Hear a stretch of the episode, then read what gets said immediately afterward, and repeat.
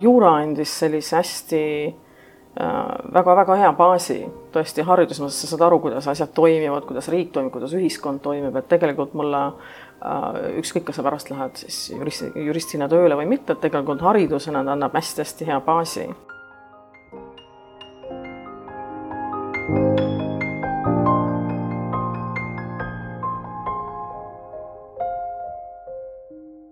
tervitused Tallinnast, minu nimi on Rainer Sterfeld ja te kuulate saatesarja Globaalsed eestlased, kus meie eesmärgiks on luua mälupilt sajast silmapaistvast Eesti inimestest üle maailma, üksteiselt õppida ning tuua meid teineteisele lähemale. on kaheksateistkümnes juuli aastal kaks tuhat kakskümmend kaks ning mul on hea meel tutvustada meie tänast saatekülalist, kelleks on New Yorgis elav ning maailma tippadvokaadibüroos Baker McKenzie advokaadi ning partnerina töötav Airi Hämmalov Airil on bakalaureusekraad juuras Tartu Ülikoolist ning magistrikraad New Yorgi ülikoolist ning on alates kahe tuhande esimesest aastast teinud karjääri nõustades rahvusvahelisi tööstus- ja tehnoloogiaettevõtteid, mänguarendajaid, finantsinstitutsioone ja investoreid eh, nende piiriüleste tehingute ning investeeringute, ostu-müügiprotsesside, konsolideerimiste, ühisettevõtete, ümberkorralduste ja paljude muude, eh, paljudes muudes transaktsioonides. Äh, ülemaailmsed tehingud võivad küündida mitme miljardi dollarini, äh, hõlmates sadu või tuhandeid töötajaid eri riikidest ning maailmajagudest, mis teeb selle töö ühtaegu nii huvitavaks, keeruliseks kui vastutusrikkaks. ja kahe tuhande kahekümne, kahe tuhande kahekümne esimese aasta mais nimetas majandusajakiri The Deal Airi Hämmalovi üheks advokaadi maailma tõusvaks täheks. mul on hea meel näha sind meie saates, Airi, tere tulemast. tere, aitäh, et kutsusid. ja, et suur tänu, te võtsite selle aja. ma tean, et äh, kõigil on väga kiire, aga see on äh, erakordselt hea võimalus äh, suvises Eestis inimestega kohtuda, kes on kodumaad jälle väiksemas. Ähm, räägi palun sellest keskkonnast, milles sa kasvasid, milles, millised on sinu ehedamad mälestused ja kes või mis sind vormisid? No ma kasvasin üles Tartu linnas Ehm, ma sündisin see aastal seitsekümmend kuus, nii et sellises toredas nõukogudeaegses Tartu linnas kasvasin üles, aga meil oli väga tore lapsepõlv, ma küll ei käinud mingis elitaarkoolis, ma käisin äh, Tartu kaheksandas keskkoolis, äh, mida nüüd vist seda enam ei eksisteerigi, tal on mingi teine nimi. Äh, kahjuks see akadeemiliselt ei olnud selline kõige tugevam kool, aga meil oli nagu väga tore selline keskkond seal ja ma arvan, et sellises keskkonnas selline enesekindlus väga oli nagu mul väga tugev. Äh, ja kõik ümberringi olid toredad sõbrad, aga noh, vahest jättis õpetamine jättis nagu äh, äh, ei olnud võib-olla siis kõige, kõige, kõige parem, sest et seal oli ka nii-öelda akadeemikud ja lihakombinaadi töötajate äh, Äh, lapsed koos ja vahest õpetajad ikka ütlesid, noh, mis me siin teid õpetame, teist nagunii saavad vorstimeistrid, et noh, see suhtumine oli vahest see, täpselt selline. aga kuidagi, kuidagi ma sellisest akadeemilisest siis õhkkonnast ikkagi ise tahtsin väga õppida ja noh, meil kodus oli väga selline akadeemiline keskkond et võib-olla rääkides mu perest, siis on äh,, ongi, mul on akadeemi-, vanemad on nii-öelda akadeemilise taustaga äh,. isa on põlvkondade viisi juba Tartust või noh, Tartu kandist pärit ja õppis Tartus füüsikat ja pärast alati õpetas äh, Tartu Ülikoolis füüsikateaduskonnas äh,. aga muidu ma olen selline Nõukogude Liidu produkt, et ema tegelikult kasvas üles äh, Poola piiri ääres Valgevenes Grodna linnas ja tuli Tartu Ülikooli ka füüsikat õppima, nii et seal mu vanemad siis kohtusid äh, Tartu Ülikoolis ja pärast nad olid alati oma nii-öelda nõukogude ajal siis töö ajal olid ka alati seotud ülikooliga, nii et meil on äh, terve pere on nagu kõik on käinud Tartu Ülikoolis, kõik on seal kasvõi töötanud, noh, kõik on nagu ülikooliga läbi põimunud. Ja kuidagi noh, kodus oli ikka väga oluline haridus, äh, et õppida ja nii et ma hästi palju tegelikult kooliväliselt ka alati õppisin keel ja kuidagi mul tuli vot see unistus või huvi nagu maailma vastu, et mul oli tohutu, tohutu uudishimu alati, mis seal väljaspool maailmas siis toimub ja ma arvan, et sellest tuli ka selline keelte huvi. Ja muidugi ma kasvasin üles ka tegelikult ju kahekeelses äh, kodus, nii et eesti keeles, vene keeles, et noh, minu jaoks on see nii, see on nagu väga loogiline, et tegelikult mul praegu on ka lapsed ju mitmekeelsed, ma saan väga hästi aru, kuidas neil see aju, aju töötab, sest ma ise kasvasin üles täpselt samasuguses keskkonnas ja võib-olla selline kahekeelne keskkond ka tõstab sul huvi, et noh, mul oli keeled olid väga lihtsad, mulle meeldis neid õppida mul oli alati nagu suur huvi erinevate vot kultuuride vastu ja mis, mis seal tõesti mujal siis nagu toimub. Ehm, ja nii nagu esimene võimalus siis äh, tekkis, et kusagile, kusagile siis väljaspool Eestit õppima minna niimoodi, ma sellest haarasin kinni ja see esimene võimalus tegelikult tekkis aastal üheksakümmend kaks Iisrael oli organiseerinud programmi, et endiste Nõukogude Liidu vabariikidest otsisid nad siis välja sellised targemad pead, kes võiksid siis tulla Iisraeli keskkooli õppima. Seal muidugi toimus terve valikuprotsess, meid viidi kuskile Pavlovskisse äh, Peterburi lähedale laagrisse, seal me pidime igasuguseid teste tegema, siis seal valiti, siis sealt valiti välja nii-öelda üle Nõukogude Liidu, endiste, endiste Nõukogude Liidu vabariikide hulgast siis äh, erinevad keskkooliealised õpilased ja siis mind, mind valiti välja. ja niimoodi ma siis äh, üheksakümne teisel aastal keskkooli ajal Tartus läksin siis Iisraeli õppima, et ma ühtegi sõna heebrea keeles rääkinud, kool algas kohe heebrea keeles aga noh, see oli nagu pea, pea töötas veel sellises kuueteistaastaselt ja sellises vanuses äh, pea töötas väga hästi ja tegelikult heebrea keel on väga kaasaegne keel ju. seal on, kõik on reeglipärane praktiliselt, et tegelikult kui sa selle kirjutamise ära õpid, siis keel on väga lihtne. Nii et koolis tegelikult kõik toimus äh, heebrea keeles. Ja enamus minu koolikaaslast, kõik, kes tulid sama programmiga Iisraeliga, kõik jäidki pärast tegelikult Iisraeli elama, aga kuidagi mul oli vot selline Eesti äh, no see tahe selline tagasi tulla, et ei, et ma ikkagi näen ennast Eestis, et ma tahan nagu võib-olla, võib-olla ka see, et äh, noh, et ma tundsin ennast Tartust tulles, et sa oled nagu see suur kala väikses tiigis, et mitte, mitte, et ei ole väike kala suures tiigis. Et ma kuskilt sealt see tahe tuli siis, et ei, et ma tulen ikkagi tagasi Eestisse nii et ma ühe aasta õppisin ära Iisraelis keskkoolis ja noh, sellises absoluutselt teisust, teistsuguses kultuurikeskkonnas. Ja muidugi meil ei olnud ju mingeid mobiiltelefone, midagi, et noh, kord kuus siis said helistada vanematele koju, kirjutasime üksteisele kirju aga sa oled ikka noh, üksinda täiesti iseseisev, absoluutselt teistsuguses kultuuris, ilma sissetuleku ja ilma kõigeta, noh, elad oma niimoodi väiksest stipendiumist. et see andis sellise äärmiselt iseseisva elamuse erinevatest kultuuridest ja ilmselt sealt, eks mul tuli ka siis see tahe, et kui ma tagasi tulin, tõesti lõpetasin Tartus keskkooli ära, siis tegelikult, mis mind huvitas kui mõtlesin, mida ma ülikoolis edasi tahan õppima minna, mõtlesin, noh, et see on kindlasti diplomaatia, rahvusvahelised suhted, et sellepärast ma siis valisingi, et ma tahan minna juurat õppima Tartus. Kas, kuidas heebrea keelega täna on? noh natuke ajudeni enam, enam ei ole kuueteistaastase ajud, et nii, nii hästi enam ei ole, noh, niimoodi tänaval saan hakkama mm. ma võin nagu tänaval saan hakkama, et lugeda veel oskan, aga vot ma ei ole seda aastate jooksul hoidnud, et mm -hmm. oleks või oleks võinud tegeleda, nii et noh, kehvasti mm. -hmm. no eks ta on jah, see harjutamise asi. ja, ja. Ähm, ja see on väga vahva oskus iseenesest. sa mainisid, et su vanemad, äh, mõlemad akadeemikud, et et mis sellises mm, keskkonnas kasvamine nagu veel andis, et millised või millised olid õppetunnid, suurimad õppetunnid vanematelt? no ma arvan, oligi see, et haridus on nagu kõige olulisem äh, absoluutselt, et ükskõik, mis muidu toimub äh, ja muidugi eriti ka sellisel ajal nagu Nõukogude ajal on ju, et noh, ega me ei teadnud, millised võimalused kellelgi pärast on ja on, aga ikkagi rõhku pandi selle, et absoluutselt äh, haridus on nagu number üks, tuleb on ju õppida ja mitte ainult koolis, vaid nagu ka kooliväliselt on ju tõesti, et noh, mulle meeldisid keeled, et ma siis tegelesin keeltega. ja, ja noh, kogu see tahe, ükskõik kus olid, ma ei tea, kas olümpiaadid või kus noh, et ma olin nagu väga aktiivne koolis tõesti selline väga aktiivne, et osalesin nagu kõikides huvigruppides, kus, kust vähegi kuskilt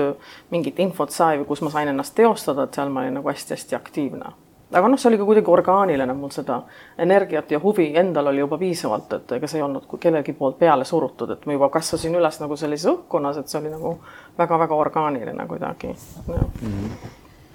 ja nüüd sa siis noh, oled, oled seal ülikoolis äh, Tartus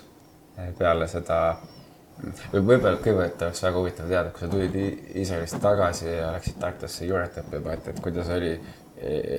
kõigepealt ütleme Iisraelist tagasi Eestisse, et tulla? no ma tulin Iisast, ma ühe aasta käisin veel äh, keskkoolis, aga noh, see oli see suhteliselt kiire aeg, tõesti mm -hmm. igasugused lõpueksamid ja. olid ja et noh, sa tegid ja ma nagu ei kaotanud aastat ära, et lõpuks mm -hmm. Eestis äh, koolis öeldi, et okei okay,, et noh, et ühe aasta jätsid vahele, pole hullu umbes, et noh, et äh, palju, ilmselt ma ei tea, palju siis õpiti seal.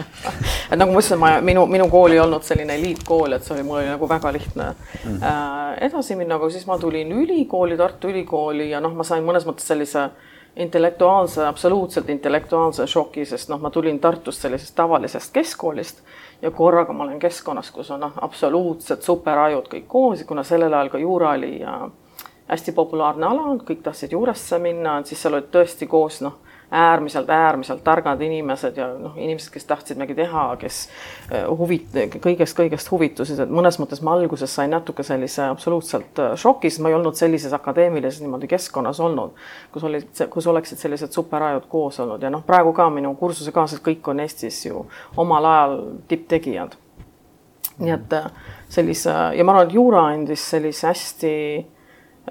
väga-väga hea baasi tõesti hariduse mõttes, sa saad aru, kuidas asjad toimivad, kuidas riik toimib, kuidas ühiskond toimib, et tegelikult mulle äh, ükskõik, kas sa pärast lähed siis juristi, juristina tööle või mitte, et tegelikult haridusena ta annab hästi-hästi hea baasi ja eriti muidugi sellel ajal mul noh, kogu see tutvusringkond lõpuks sul, kellega ma siiamaani suhtlen, on ju, on, meil oli Tartu Ülikooli aegadest kursusekaaslastega. see aeg, kui sa käisid äh, Tartu Ülikoolis, oli ka Eestis hästi tormiline aeg, et äh, on sul mõni huvitav, see eriti veel nagu juura kontekstis, et kus toimus äh, hästi palju äh, uut seadusloomet, et kui palju sellist äh, kui palju oli nagu seda peegeldust selles, et mis toimus nagu Toompeal, kui palju, palju sellest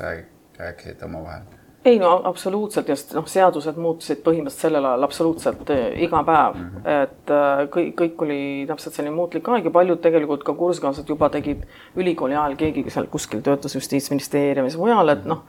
minu kursusekaaslased kes olid siis, ma ei tea, üheksateist, kahekümne aastased, nemad kirjutasid Eesti seaduseid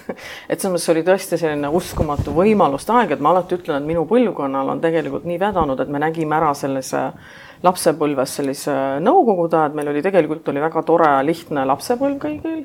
Aga nii nagu me olime siis sellised hilise, hilises teismeeas, et noh, kõik muutus ja meil kõigil tekkisid sellised võimalused ja just võimalused, mida võib-olla praegu noortel ei ole, et noh, keegi üheksateistaastaselt nagu nüüd võib-olla seaduseid siis ei kirjuta, aga meil olid tõesti noh, võimalused, sa hakkad nagu riiki ehitama lihtsalt mm -hmm. ja sellises vanuses, mida noh, mis oli väga-väga harukordne, nii et ma alati ütlen tegelikult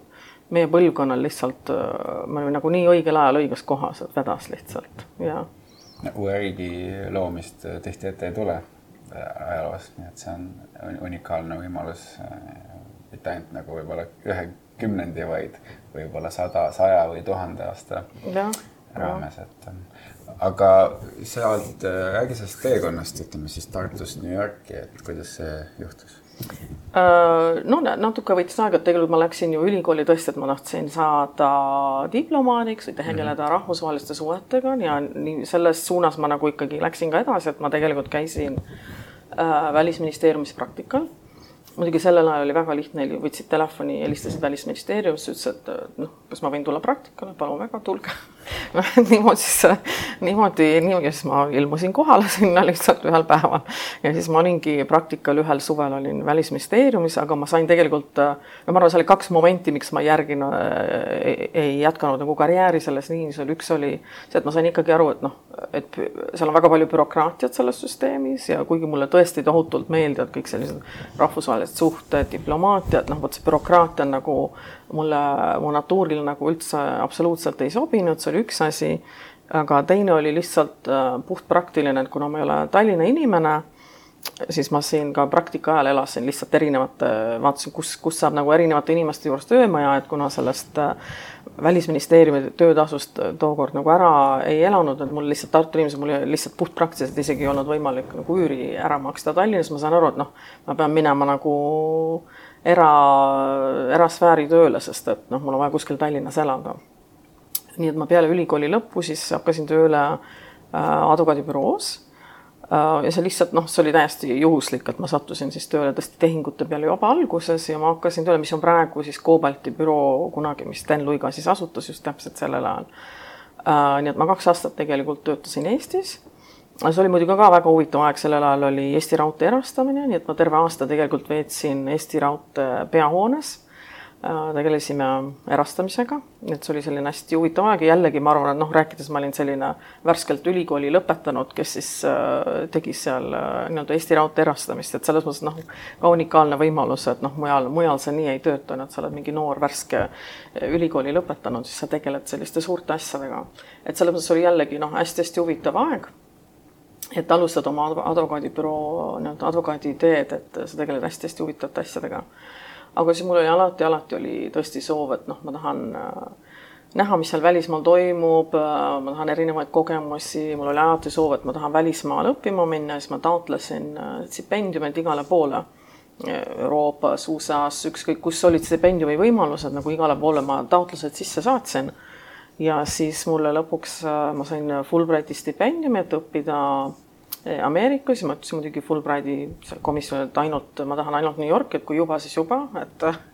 et ma tahan nagu suur, suurlinna sellist üliõpilaskogemust. Ja niimoodi ma siis jõudsingi äh, otsaga, jõudsin New Yorgi ülikooli, tegin siis LLM-i nagu magistriprogrammi New Yorgi ülikoolis ja New Yorgi ülikool muidugi asub täpselt äh,, täpselt vot New Yorgi tuiksoonel nii keskel Manhattani nagu on, nii et üliõpilasena äh, võrreldes Tartuga, siis me jõudsime sinna,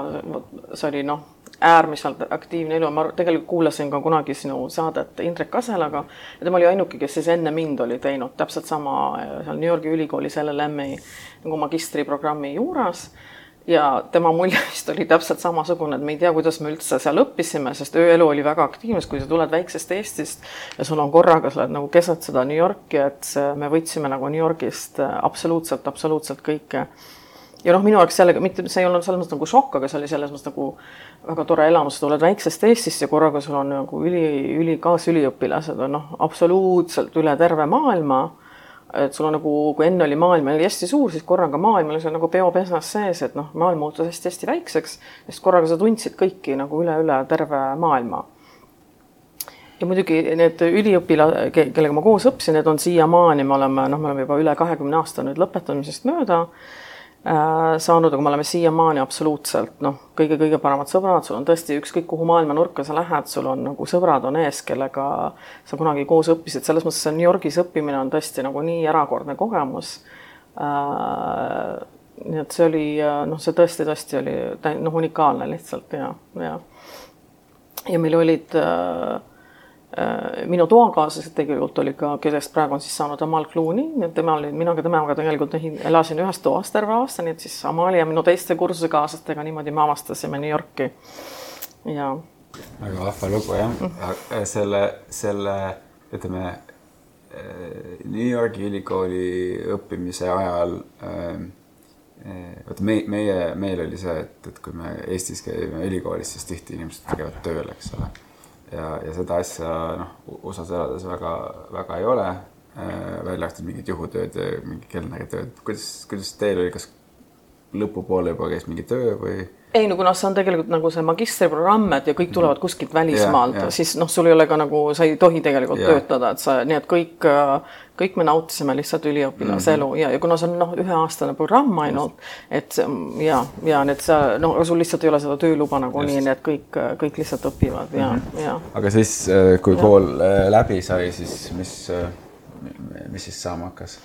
No siis mul oli see, kuna kõik teised, kõigil, kõik olid nagu New Yorgist nii vaimus, et kõik tahtsid ikkagi New Yorki edasi jääda tööle ja see oli täpselt noh, enne ühe, üheteistkümnendat septembrit me lõpetasime mm -hmm. mais on ju, mais kaks tuhat üks. siis kui oli New Yorgis oli, majandus oli, kõik läks hästi. kui sa töötada tahtsid New Yorgis, tööd seal said, aga kuna minul oli see stipendium äh, õppimiseks, seal oli nagu viisa tingimused, et ma ei saa pärast tööle USA-sse jääda äh,. mul, kuna põhimõtteliselt see stipendium tuleb nagu USA valitsuselt. Nad tahavad, et äh, nüüd sa lähed tagasi oma koduriiki ja siis räägid kõigile, ma ei tea, demokraatiast ja nii edasi. nii et siis mina mõtlesin, okei okay,, et noh, et aga ma tahan veel maailma ju näha, issand, et äh, ma olen siin noor ja mul on see energiat täis palju New Yorki, et ma tahan ju veel maailma näha, et ma mõtlesin, noh, mis, mis on siis noh, number kaks koht, et kuhu ma võiks minna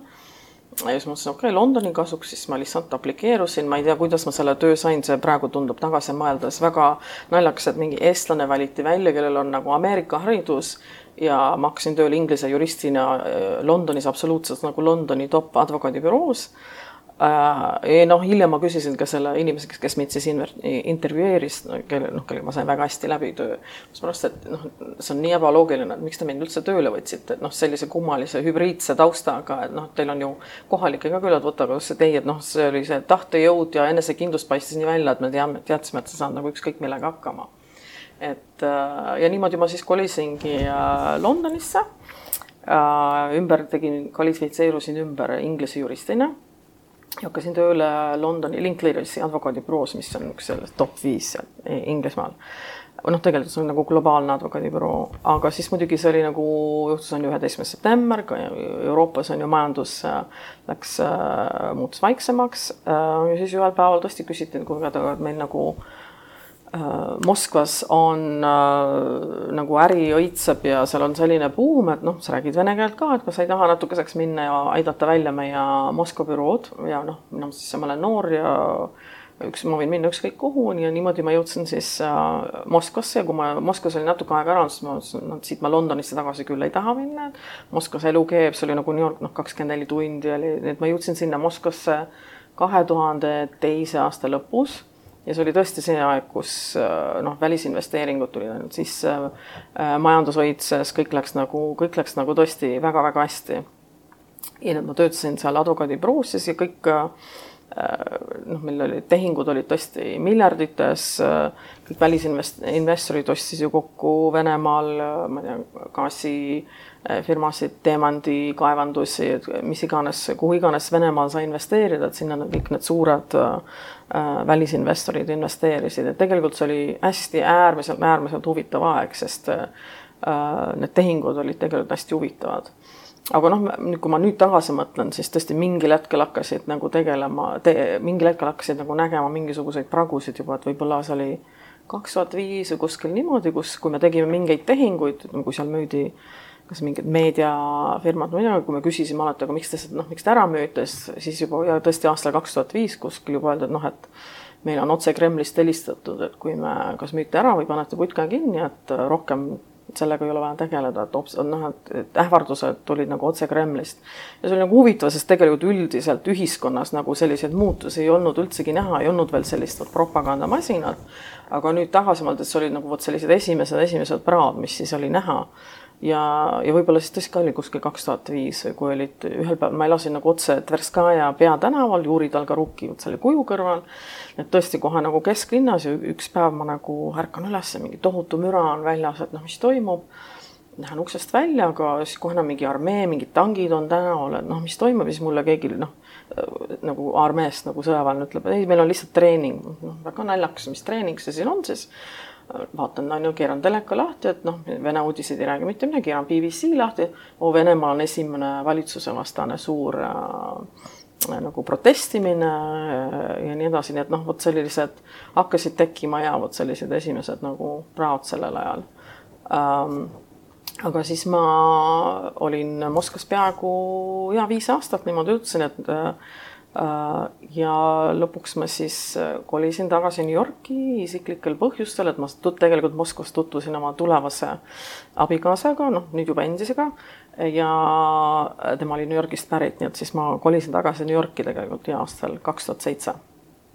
ja hakkasin siis äh, Äh, New Yorgis tööle advokaadibüroos äh, ja noh, mul oli väga lihtne, tegelikult oli nüüd juba riiki vahetatud, kui mul on nagu rahvusvaheline kogemus mm. olemas, ma olin New Yorgis õppinud, mul oli nagu New Yorgi advokaadi ja advokatuuri eksam oli juba tehtud, nii et selles mõttes mul oli nagu väga lihtne ühest riigist äh, teise liikuda. ja hakkasin tööle sellises büroos nagu Wild Gotchal, mis oli just erakapitali, hakkas vot era nagu riskikapitali buum New Yorgis ja täiesti juhuslikult sattusin Wild Watchuli, kus, mis oli siis number üks tegelikult üldse USA-s, kes hakkas tegelema just nimelt sellise riski ja riskikapitali ja tööga, nii et ma tegelikult noh, natuke vedas, et ma olin õigel ajal õiges kohas. Äh, et ma sattusin sellise huvitava töö peale, et me tegelesime just nimelt selliste suurte era riskikapitali tehingutega Äh, aga siis muidugi kohe juhtus ka kaks tuhat kaheksa ja järjekordselt mul nagu selles mõttes vedas, et kus ma olin Wild Watcheris, et meie tegelikult äh, tegelesime kogu Lehman Brothersi pankrotiga, nii et kui kaks tuhat kaheksa sügis äh, äh, algas, siis me noh, praktiliselt mingi aasta-kaks terve arvutikogud kõik tegelesid ainult Lehman Brothersi pankrotiga. aga noh, see oli selles mõttes väga huvitav aeg, et kui mujal majandus oli, kõik oli nagu väga vaikne, siis meie olime hästi busy mm. -hmm. sest seal nagu jah, palju tegemist mm. -hmm Need olid väga head sellised äh, äh, ütleme, väljavõtted sinu nagu see või hüpped see karjääri äh, ütleme võib-olla esi, esimesest kümnest aastast või natuke, natuke isegi vähem, aga kui sa ise vaatad nagu praegu seda äh, advokaadi teekonda, siis, siis ma ei tea, kuidas, kuidas sa oskad seda kokku võtta, et millest sa alguses, no sa mainisid hästi palju juhust, eks ole, sattusid sinna, oli õige aeg ja, ja pea, pea lõikes. aga et ähm, on, on sul mingid mustrid välja kujunenud, millest sa ise nagu alguses huvi tundsid või kuidas on ajas muutunud või ähm, ja, ja millega sa täna tegeled? noh, et, et kas seal on mingisugune story või see on lihtsalt tead, see on täitsa, mõnes mõttes on tõesti nagu al alguses hakkas nagu juhuslikult nagu kõik orgaaniliselt muutus, et noh, tõesti, et ühest see, et ma sattusin ühest riigist teise, et noh, ega see ei olnud minu teadlik otsus, et mhm. jaa, et ma nüüd tahan minna Moskvasse tööle või et jaa, et ma nüüd tulen niisugune, et noh, hästi palju tõesti on kuidagi juhused on rolli mänginud elus ja, ja noh, mulle meeldib, noh, mulle meeldivad sellised uued keskkonnad on ju, et mulle äh,, mulle meeldib nagu erinevad, ma olen nagu okei okay, erinevates kultuurides, ma elan nagu väga lihtsalt sisse, et see on nagu mul juba natuuris sees um,. aga advokaadi, kuidas ja ma arvan, et advokaadibüroos noh, eks paljud ju vahetavad karjääri kõik, aga ma arvan just see, et ma olen nagu nii palju erinevates riikides äh, töötanud, see on juba noh, annab sulle hästi suure vahelduse, aga miks ma siiamaani, on, et noh, põhimõtteliselt on nagu inimsuhted, et noh, mulle meeldib, ma iga päev puutun kokku erinevate inimestega, eriti kui sa tegeled, sa oled nagu tehinguadvokaat. Ma puutun kokku absoluutselt erinevate inimestega, et mul ei ole kunagi, ma ei ole nagu ühes korporatsioonis, kus sa töötad kogu aeg samas tiimis, kus sul on nagu kogu aeg, sul on sama boss või et äh, sul on nagu aastaid ja aastaid on üks ja sama tiim, et tegelikult minul on noh, igas tehingus sul on absoluutselt uued inimesed, sul on uus klient, kellega sa tutvud, kellega sa, et mulle tegelikult kõige selle asja juures, ma arvan, mis mulle meeldibki äh,, mulle meeldib uute inimestega tutvuda mm., mulle meeldib inimestest õppida ja nii koguni ma nagu teistest inimestest midagi õpin see teeb minu, vot see teeb minu jaoks selle töö just huvitav, mitte see teh-, muidugi sa pead nagu teadma advokaadi töös seda tehnilist poolt, aga mis minu juures, mis mulle selle huvitavaks just teeb, on see, et sul on noh, see inimsuhted on niivõrd vaheldusrikkad, sest sa puutud kokku lihtsalt kogu aeg erinevate inimestega. advokaadi töö juures on loomulikult see, et sul on see äh, attorney-client privilege, ma isegi ei tea, kuidas see eesti keeles oleks. issand, ma ei teagi, jah äh, aga, aga ütleme, et sul on asjad, millest sa ju ei saa väljaspool oma kliendiga ju rääkida, aga sellegipoolest, et noh, et mingi, mingid asjad on sellised, millest sa saad avalikult rääkida selles kontekstis, et, et äh, on sul mingeid selliseid asju ükskõik, kas need on tehingud või mingid muud sündmused, et mille, mis teevad sinu jaoks nagu need hetked nagu karjääri nagu tipphetkedeks või ma ei tea, säravamateks hetkedeks, et kui sa mõtled, et on sul selliseid? no ma arvan, sära, ma arvan, see, et sul äh, põhi, mida see advokaadi ja kliendi suhe tähendab, sul on nagu usaldussuhe mm -hmm. tegelikult ja ma arvan, et natuke siin on võib-olla erinevus ka Euroopa ja USA vahel, et kui Euroopas on rohkem nagu sa, sa noh, pead seadust järgima, mis see, seadused, et tegelikult USA-s on see hästi palju on, mina teen iga päev otsuseid kliendi eest tegelikult mm. -hmm. et selles mõttes, et kui klient ei tule meie juurde küsima, et oo, et kas on noh, variant A, B, et mis võiks olla parem, et noh, seda natuke on ka, aga tegelikult USA-s on hästi palju just nimelt seda, et mina tegelikult teen hästi palju otsuseid, siis ma ütlesin, et teate, et noh, vot variant A on kõige parem, teeme niimoodi. et noh, kliendid ei taha kolm erinevat varianti, nad tulevad sinu juurde küsida täpselt, et noh mida sina siis soovitad. ja ma arvan, see on nagu aegade jooksul natuke ka muutunud, võib-olla tõesti, et noh, et kakskümmend aastat tagasi ka USA-s oli rohkem äh,, kui sa olid advokaat, siis sa noh, see oli rohkem nagu klassikalises nõustaja rollis. Aga praegu sa oled täiesti nagu usald-, rohkem pigem, kui sa oled selleks, et olla edukas advokaat, sa pead olema nagu absoluutselt usaldusväärne partner, kelle juurde tullakse just nimelt küsima, et millist otsust tegelikult teha ja noh, USA-s selles mõttes ongi tehinguadvokaadina ma ei järgi nagu sealt, ma võib-olla seadust teen lahti üldse noh, kord kuus, et selles mõttes on nagu hoopis teine süsteem, et noh, kõik, kõik punktid, kõik on nagu läbiräägitav tegelikult. ja see ongi, et noh, sa pead olema nagu hea psühholoog, sa pead aru saama inimpsüühikast, sa pead aru saama, mis on ka muutunud hästi palju, võib-olla kakskümmend aastat tagasi, seda on palju. sa pead absoluutselt noh, finants, finantsist aru saama, sa pead oskama lugema finantsaruandeid. sa pead saama aru nagu, mis see big picture on, mida klient tahab saavutada, et ma arvan, et selles mõttes on see töö tõesti muutunud ja muutunud selles mõttes just nimelt huvitavamaks tegelikult, et sa ei ole lihtsalt puhtalt ei tegele paberimajandusega, vaid sa tõesti oled, sa tunned, et sa oled kaasatud otsustusprotsessi, sa pead aru saama ärimudelist, sa pead aru saama, mida see klient tahab saavutada, on ju, mingis tehingus. ja sa pead kogu aeg ja sa pead noh, seda big picture nii-öelda kogu aeg kuskil peab olema sul meeles et tegelikult äh, see advokaadi töö praegu on noh, see on tõesti hästi-hästi muutunud aastate jooksul nüüd mm. -hmm see äh, toob mul nagu kaks küsimust meelde, et üks on, üks on see, et äh, minu enda advokaat äh, Bostonis, kellega ma olen kümme aastat koos olnud tema läks nüüd pensionile, üks, üks senior partner ja, ja, ja siis ma küsisin ta käest, et, et, et milline on noh, sinu kõige pikem nagu kliendisuhe nagu inimesena, eks ole. et siis see oli üle kolmekümne aasta, sest ta on, on -huh. pikalt seda teinud. Kui pikk on sinu kõige pikem kliendisuhe? no mul võib-olla, kuna ma olen nagu vahepeal vahetanud yeah. niimoodi e, riiki ja töökohti ka, et siis mul ei ole ta nagu ei ole mm -hmm. nii pikk, et pigem on, pigem on võib-olla niimoodi et paar, mõned aastad on ju mm -hmm. praegu, praeguse seisuga. aga see suhe on tõesti, sul on noh, see on nagu nii, noh, tõesti oma parimate klientidega, sul on nagu nii tugev see suhe, et sa ei helista ainult, on ju, kui on mingi tööasjad, sa tead nende isiklikku elu, sa tead, sa soovitad neile igasuguseid ka, kuidas lahendada isikliku elu probleeme. et selles mõttes ei ole ainult nagu professionaalne suhe, et see tegelikult sellised head kliendisuhted tegelikult tekivad, kui sul on nagu hea keemia niisama inimesega, et siis tuleb see nagu professionaalne tuhe, suhe tuleb tegelikult sinna järgi, siis inimene usaldab sind äh, juba oma eraelu küsimustega, siis kogu see professionaalne tuleb sealt järgi, et see ei saa olla ainult niimoodi, et sul on kuiv professionaalne suhe, et äh, noh, niimoodi sa võid ükskõik kelle juurde, sul peab ikka mingi keemia tekkima mm -hmm. inimesega. et ma arvan, et tegelikult see on selle kliendi suhte juures kõige olulisem. just. ja teine küsimus, mis, mis äh, sellega seoses tekkis, oligi just sa mainisid, et näed, et USA süsteem, et sa ei, ei järgi niivõrd seadust nii detailselt, noh, eks see tuleb natuke see pretsedendiõigusest ka, eks ole, et, et võib-olla räägiks sellest ka natuke, eriti sinu töös, kus sa teed nagu äh, Äh, riikide üleseid, ütleme Ameerika, Euroopa üleseid või Ameerika, ütleme Aasia üleseid tehinguid, et see pretsedendiõigus versus ma ei tea, seadusandlik õigus eesti keeles või? jah, et kuidas on, no ma ei tea, see on nagu common law ja civil law on ju, ma ei tea, jah, et kuidas sa seda kutsud, on ju, jaa. -hmm. Mm ega ma ei teagi, mis see küsimus on, aga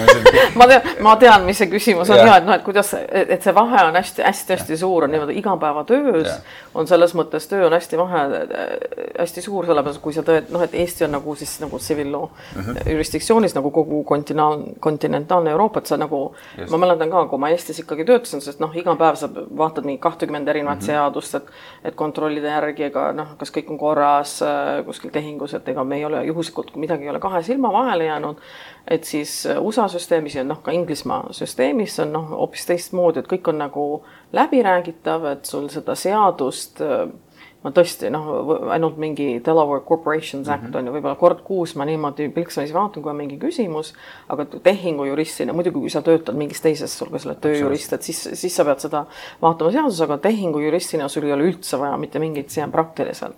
Sul on nagu väga-väga harva, et mingeid seadusi vaadata, sa küll tõesti pead teadma nagu mingeid kohtupretsedente, et kuidas see praktikas tavaliselt on mingi probleem lahendatud, et seda sa nagu tead, aga see tuleb nagu praktikas, et ega ma ei ole lugenud mingeid kohtupretsedente nagu aastate jooksul läbi, et see on kuidagi, tuleb lihtsalt teadmistega läbi kogemuse, aga keegi, selles mõttes ka keegi mingit kohtupretsedenti otseselt ei hakka lugema, võib-olla noh, mingi väikse nagu, nagu selle siis ähm,, kui on kokku kirjutatud, on ju, mingi kohtupretsedent, siis mingi väike nagu summary on ju. aga nii et selles mõttes on absoluutselt, kõik on läbi räägitud, nii et see ei ole selles mõttes nagu klassikaline, põhimõtteliselt ma ei olegi jah, et nagu klassikaline jurist, kes siis päev otsa on ju, töötab erinevate seadusepunktidega, et tegelikult äh, ja et meil on lihtsalt, ongi noh, läbirääkimised kogu aeg käivad läbirääkimised ja, ja. poolte kokkuleppel on kõik asjad võimalikud. absoluutselt ja, ja, ja see ongi see, et siis sa pead teadma, noh, kust järgi anda, kust mitte järgi anda. Kuidas saad mõjutada inimesi, kuidas mitte mõjutada, et see on selles mõttes on nagu ma vahest tunnen ja ma olen rohkem nagu psühholoogi rollis mõnes mõttes mm. -hmm. ja siis äh, võib-olla äh, üks huvitav küsimus veel, mis tekib äh, Äh, on see, et äh, ähm, sa oled nii, nii advokaat kui partner ettevõttes, noh, partner ette, partner advokaadibüroos. ehk siis, ehk siis sa oled üheaegselt nagu spetsialist ja üheaegselt nii-öelda mm, kasusaaja sellest ärist ma üritan nagu tõlkida ise ka. et, et, et, et kui palju on see, sa juba tegelikult seda nagu maininud, aga ma just mõtlen seda läbi, läbi selle, et, et mis tähendab olla nagu partner advokaadibüroos, eriti veel tippbüroos. et see on nagu inimeste äri, samal ajal sa oled nagu spetsialist. No tegelikult see ongi, sa oled nagu ettevõtja. Mm, -hmm. põhimõtteliselt sa oled lihtsalt nagu ettevõtja, sa oled ju, pead mõtlema äh,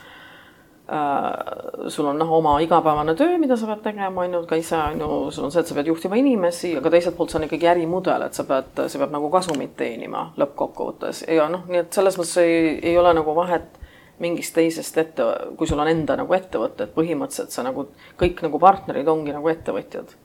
lihtsalt selles ärimudelis, et sa pead noh, kogu ja ka selles mõttes sul on õigus ja et sa pead kogu aeg mõtlema nende erinevate asjade peale ja ähm, ja, ja sa oled partner mitte lihtsalt mingis äh, no-name äh, büroos, vaid sa oled Baker McKenzie's, mis on üks maailma tippe ja, ja võib-olla olekski hea äh, sinu sellist vaadet kuulda sellele, et miks, miks on sinu arust Baker McKenzie üks maailma, maailma tipp? No mind, mis mind sinna just tõmbas, on see, et noh, et kogu see rahvusvaheline network et kõik absoluutselt kõik tehingud on tõesti nagu rahvusvahelised ja mitte lihtsalt nagu kahe riigi vahelised, noh, meil on ikkagi tihti on väga-väga palju äh, riike hõimatud erinevates tehingutes. aga mis on nagu selle Baker McKenzie taust ka, vot Christine Lagarde oli enne, kui ta läks ju Prantsusmaal poliitikasse. Christine Lagarde oli äh, üldse Baker McKenzie äh, siis esi, ma ei tea, esinaine, esimees Äh, mis oli üldse esimest korda, kui naine oli rahvusvahelise nagu globaalse advokaadibüroo juht. ja siiamaani räägitakse, et see oli Christine Lagarde, kes muutis üldsegi kogu seda juhtimisstiili ja ma arvan, et noh, nii palju, kui ma aru saan, see oli tõesti rohkem, ta juhtis nagu emotsionaalse intelligentsusega, mis Ameerikas võib-olla tookord oli nagu suhteliselt harv, nagu rohkem haruldane. Äh, et ta tahtis tõesti, et sul oleks firmasisene kultuur ta arendas seda väga palju ja see on siiamaani tõesti jäänud, et sul on, inimesed on väga nagu koostöö, teevad väga-väga palju koostööd, aga ka need inimesed, kes büroos on, et võrreldes võib-olla tõesti teiste, kuna ma olen töötanud ka nagu rohkem Ameerika büroodes, kõik inimesed, kes on Baker McKenzie's, on tõesti hästi-hästi rahvusvahelised, võib-olla noh, kas nad on elanud kuskil mujal, kui nad ei ole, siis vähemalt noh, kõiki, kõiki vot sellised rahvu, rahvusvahelised nagu tehingud. Kõiki huvitavad, et kõiki huvitavad erinevad kultuurid, kõik räägivad erinevat keeli, et selles et see mind just sinna tõmbas, et ma tahan olla tõesti vot sellises rahvusvahelises keskkonnas. noh, Christine Lagarde tegi seda ka hiljem IMF-is või teeb, et selles mõttes on see väga-väga hea suunanäitaja või teenäitaja tähendab. aga mis, mis tähendab olla naine äh, tipus äh,, eriti New Yorgis? no äh, suhteliselt üksildane oled sa seal ja sellel alal, mida mina tähendan, kuna ma teen nagu M&A on ju tehi- mm -hmm., tehinguadvokaat ja, ja private equity on nagu erakapital, erakapital ja, ja ühesõnaga siis nende tehingute ja erakapitali äh, sfääris äh, naisi ei ole jah, see on tõesti selles mõttes on, on palju naisi advokaadibüroodes, kes tegelevad muudel aladel, aga kuna see on täpselt see ala, et noh, kui tehing tuleb, siis sa oled kakskümmend neli tundi lihtsalt äh, hõimatud sellega, et sul nagu puudub kontroll põhimõtteliselt aja järgi, sest sa, su aeg läheb nagu tehingu äh, ajakava järgi. ja tavaliselt need nagu liiguvad väga-väga kiiresti, kakskümmend neli tundi seitse et selles mõttes seda on äh, nii-öelda pere, ütleme ja, et vahest nagu pere kõrvalt seda nagu väga raske teha, aga kuidagi mul on see nagu aastate jooksul siis õnnestunud, aga noh, samas ma pean mainima, et tegelikult mu karjäär selleks, et ma jõudsin partnerini, tegelikult see võttis hoopis rohkem aega mm -hmm. kui võib-olla tavaliselt, et seal noh, üks asi see, et ma tegin, on ju, vahetasin riiki, siis mul oli vahepeal ka kolm last, et ma vahepeal natuke tõesti võtsin, on ju, rohkem aega maha laste kõrvalt, aga siis ma nagu läksin äh, läksin tagasi täiesti täi-, täisajaga tööle, et aga selles mõttes tõesti, et ma, ja ma arvan, et äh, noh, et kuigi naisi on sellel ajal vähe, et ma olen ka palju siin Eesti nii-öelda naiskolleegidega rääkinud, et miks, miks siis, miks ka Eestis on näiteks vähe naispartnereid, et ma arvan, et võib-olla üks asi on ka see, et naised ise otsustavad enda jaoks enne ära, et noh, et ma ei, äkki ma ei saa sellega hakkama, et nad otsustavad enne juba ära, et ma lähen nagu mingit alternatiivset karjääri ja ma ei hakka punnitama ja ma arvan, et see on nagu, ei tasu ära, enne ära öelda millestki, et noh, proovi. et äh, proovida võib, kui ei tule välja, sa saad seda pärast alati muuta, aga ma arvan just seda, mida ma noortele ütlen, et ärge otsustage enne ära, kui te ei ole proovinud, et võib-olla see tuleb välja äh, aga noh, samas muidugi äh, on vaja sellist nagu network'i ja tuge ja ma arvan, et võib-olla Eestis on natukene sellist ühiskondlikku survet palju, et jah, et kui sa oled siis sa pead ikkagi olema, ma ei tea, seal kolm aastat on lapsega kodus, kui sa enne tööle lähed, et võib-olla seal on natukene sellist ühiskondlikku survet, et USA-s seda muidugi ei ole, kuna seal on noh, väga tugev nagu lapse, kõigil on lapsehoidjad, et see on normaalne, et keegi ei vaata su peale viltu, kui sa nagu lähed siis peale paari kuud nagu tööle tagasi. ja tänu sellele tegelikult noh, naised nagu lähevad äh, tagasi tööle, et aga noh, mitte muidugi, mis on ja minu alal, seal on kahjuks, seal on kahjuks siiamaani meid vähe ja mm. -hmm. nojah, eks me oleme need, kes, mis, mis story si me endale räägime, et, kui sa endale ütled, sa ei saa hakkama, siis väga raske sellest üle hüpata, nii et sa oled väga erakordset tööd teinud. ka kui sa öö, mõtled advokaadibüroode peale, noh, ma ei tea, kas sa mõtled New Yorgi, Londoni või, või Moskva või Eesti vahet ei ole ausalt öeldes, et kuidas erineb tänapäeva parim advokaadibüroo kahekümne aasta tagusest parimast? no ma arvan, see ongi nat-, natuke, mis ma mainisin, on ju, et sa, sa ei ole lihtsalt kuivalt, no ei vaata, mis see seadus ütleb ja ei anna nõu, et tegelikult sa praegu selleks, et olla edukas äh, advokaat, sa pead tõesti aru saama üldse business nagu mudelist, sa pead mõtlema äh, finantstausta peale, mida klient tahab sellega saavutada, sa pead tõesti nagu olema noh, usaldusväärne tegelikult nagu äripartner, et sa ei, sa ei ole isegi mitte nagu klassikalises mingis mõttes juristi rollis, et sinu juurde tullakse kui nagu usaldusväärse nõustaja juurde, kes on ja kuna noh, kelle juurde just tullakse sellepärast, et sa oled ju näinud selliseid tehinguid teiste ka, et mis on tavaliselt nagu äh, noh, hea mudel sellise asja juures, et tegelikult sa oled noh, kahekümne aasta jooksul ma arvan, et see mudel on muutunud, et sa oled tõesti nagu selline usaldusväärne partner pigem mm. -hmm. kui, kui palju tuleb uut tehnoloogiat õigusvaldkonda, et kuidas sa suhtud sellesse? No vot siin ma pean mainima nagu õigusvaldkonnas ajast täitsa, ajast täitsa maas, et seal noh, natukene nagu võib-olla isegi kiviaeg on. Eriti advokaadibüroode seas, et võib-olla kliendid tegelikult isegi üritavad äh, hakata kasutama juba noh, rohkem mingit nagu ai tehnoloogiat, et näiteks kui nad äh, ostavad mingi, ostavad firma, firma, et kui seal on, ma ei tea, tuhat lepingut, mis tuleb üle vaadata Et siis nad panevad selle läbi mingi software'i. et noh, seda me oleme näinud, et võib-olla kliendid kasutavad tegelikult natuke rohkem mingisugust ai nagu tehnoloogiat, aga advokaadibürood, et meil on ka see, et noh, meil on nagu vastutus, on ju, äh, ja vastutuskindlustus ei, ei paku äh, võib-olla siis nagu kindlustust alati, et kui sa ei ole ise seda niimoodi oma käega siis kõike teinud, et selles mõttes natuke advokaadibürood on ausalt öeldes ja et see ajast maas, aga samas me ei ole noh igasuguseid tehnoloogia variante nagu hästi-hästi palju pakutakse, aga noh, ma arvan, et probleem ongi lõpuks selles, et sul on mingi kakskümmend viis, kolmkümmend erinevat programmi, seda kõik, seda infot on siis nii palju sa ei suuda sellest nagu läbi lõigata ja lõpuks ei kasutagi midagi. et tegelikult see on suhteliselt nagu käsitöö, ma pean mainima ausalt öeldes ja mm, -hmm. et siin on, äh, võib-olla on mingid Eesti tegijad, kes hakkavad selle peale mõtlema ja võimalusi on selles töös kindlasti palju, sest korduvast äh, just sellises äh, tekstitöötluses ja muutustes äh, ja lepingute mudelites on, on nagu palju. ja on, on, noh, ma tean, et mingid äh, võib-olla selliste suurte tehingute peal, vot meil on mm, -hmm. see on tõesti nagu käsitööd, ma arvan, kui on täpselt mingi korduv vot selline töö, et ma arvan, et seal kasutatakse rohkem mingeid tehnoloogiaid, aga vot see ala, millega mina mhm. tegelen mm, -hmm. sinna mingid tehnoloogiad ei ole üldse jõudnud veel mm. -hmm. ja no eks see töö, mida meie teeme, et me oleme tehnoloogia investorid varase faasi ettevõtetes, kus ei ole palju eh, nii-öelda ajalugu veel et seal äh, on võimalik päris palju teha äh, innovatsiooni, mis puudutab äh, mudeleid, mis puudutab omavahelist koostööd, investorite vahelist koostööd ja nii edasi ja nii edasi, et seda ei pea tegema käsitööna iga kord. vähemalt mitte selles ulatuses mm, -hmm. et sul võib olla mingi kaheksakümmend protsenti sisuliselt juba tehtud ja aga, aga seni ei ole see siia jõudnud jah, ja no me teeme samamoodi, eks ole, üle, üle, et paljud on näiteks Ameerikas äh, registreeritud ettevõtted, tegutsevad äh, nagu mingi Eesti tiimid või Rootsi tiimid või mis iganes. et see on kõik samamoodi ka siin, et vahet ei ole. aga mul on hoopis teistsugune küsimus mm, -hmm. et milline New Yorker sa oled? aa, väga aktiivne ei, ma olen siiamaani, noh, miks ma olen nii-öelda võib-olla siis New Yorki ka jäänud, võib-olla see on tõesti Äh, noh, mulle sobib selline, ilmselt see siis sobib mu natuuriga kokku ja, ja et vot selline, kui noh, kui inimesed küsivad ka, et oo, mis on su energiaallikas, nagu ma ei tea, mul ei ole mingit allikat vaja, et see on nagu kuidagi noh, see energia on mul nagu sees olemas, et mul ei ole seda kuskilt vaja ekstra võtta, et vot mul selline New Yorgi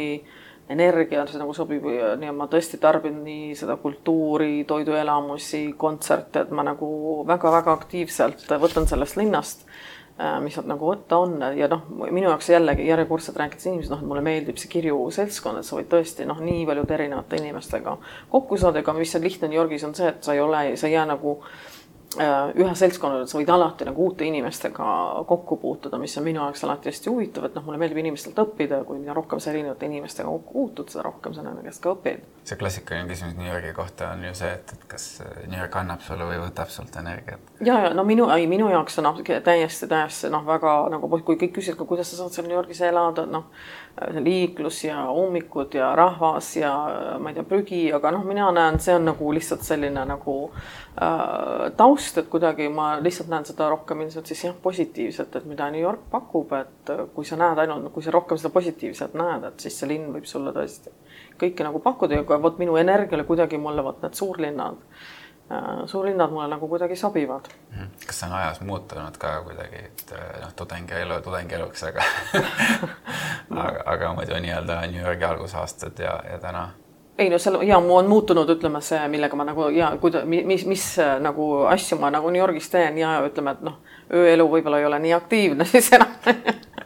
ja kui üli, kui ülikooli ajal, et pigem on sellised ja toiduelamused ja kontserdid ja džässiklubid, et noh, sellisem võib-olla rahu, rahulikum mm. -hmm. aga kui sa äh, pead Eestist rääkima oma, oma töös või lihtsalt New Yorgis äh, elades, et äh, kuidas sa kirjeldad Eestit? no õnneks on aastate jooksul nüüd Eestist on äh, nii palju kuuldud ka, et kui tõesti mingi kümme aastat tagasi, kui sa ütlesid, sa oled Eestist, noh siis keegi nagu midagi eriti ei teadnud. et siis nüüd ka New Yorgis on tõesti noh, mida muidugi teatakse, on tõesti kogu see digikultuur et noh, seda mul isegi ei ole vaja reklaamida, ainult mida inimesed on alati äh, võib-olla nad on äh, nagu üllatunud sellest, et kui tavaliselt kuskilt keegi räägib oma koduriigist, noh ikka mingi kriitika või midagi, ja siis noh, inimesed on alati üllatunud, sa räägid alati Eestist ja et ja nagu seal ei olekski mingeid halbu asju üldse, et kõik on nii eamused ja ongi ja nii ongi, selles mõttes ma arvan, et sellise äh, kokkuhoidvuse ja üksteise usaldusega on nagu tõesti ühiskond äh, üles ehitatud ja kõik nagu tahavad üksteisele parimat. ja noh, ja see, et meil on nagu digikultuurist kuni rahvuskultuurini ülal, ülalhoidmiseni nagu see on nagu nii populaarne, ma arvan, see on väga unikaalne maailmas üldsegi. see on selline võib-olla selline küsimus ka, mis on ju ajas, ajas muutunud, nagu sa ütlesid, et kümme aastat tagasi võib-olla ei teatud ja noh, kümme aastat enne seda ei võib-olla veel ole et need, et see on jällegi see story, mida me ise äh, loome läbi oma, oma tegude mm.. ja noh, sealt, kui sa mõtled Eesti peale ja ma ei tea, kui, kui, kui aus küsimus see nagu on, aga, aga see on utoopiline küsimus ka, et, et kui sa saaksid Eestis ühe asja üle muuta äh, teistsuguseks, paremaks, siis, siis mis see oleks? No võib-olla üks asi, millega ma võib-olla natukene, natuke ise olen kokku puutunud, lihtsalt tolerantsi suurendada, võib-olla just nimelt võrreldes sellega, kuna ma olen nagu erinevates kultuurides elanud ja New Yorgis on nagu selline hästi kirju seltskond, et kõik on nagu kõigiga harjunud, inimesed võivad olla igasugused. et võib-olla Eestis on kuna on ikkagi väga homogeenne ühiskond ja noh, kõik põhimõtteliselt ikkagi noh, on nagu väga sarnased, et noh, näiteks oma laste kõrvalt, kas mul on sellised väga-väga elavad äh, lapsed äh, väga suure temperamentiga et äh, noh, siis vahest ikka ma näen, kuidas inimesed niimoodi pööritavad silmi, et äh, noh, et miks ei ole lapsed hästi kasvatatud, aga tegelikult nad on ju noh, lihtsalt teisest, teisest keskkonnast, et selles mõttes natukene võiks vot sellist tolerantsust ja arusaamist olla teiste inimeste suhtes, et noh, et kõik võib-olla ei ole täpselt ühesugused ja see ongi okei okay.. ei, ei peagi olema.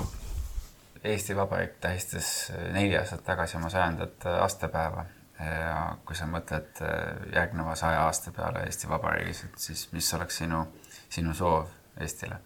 no ma arvan, et see suund on nagu nii õige praegu, nagu selline momentum on nagu täiesti noh, unikaalne lihtsalt tõesti maailmas, ma arvan, et noh, ühtegi teist sellist riiki ei ole maailmas, kus on sul nii kokkuhoidev ühiskond, kus ühiskond tõesti tahavad nagu koos midagi, midagi saavutada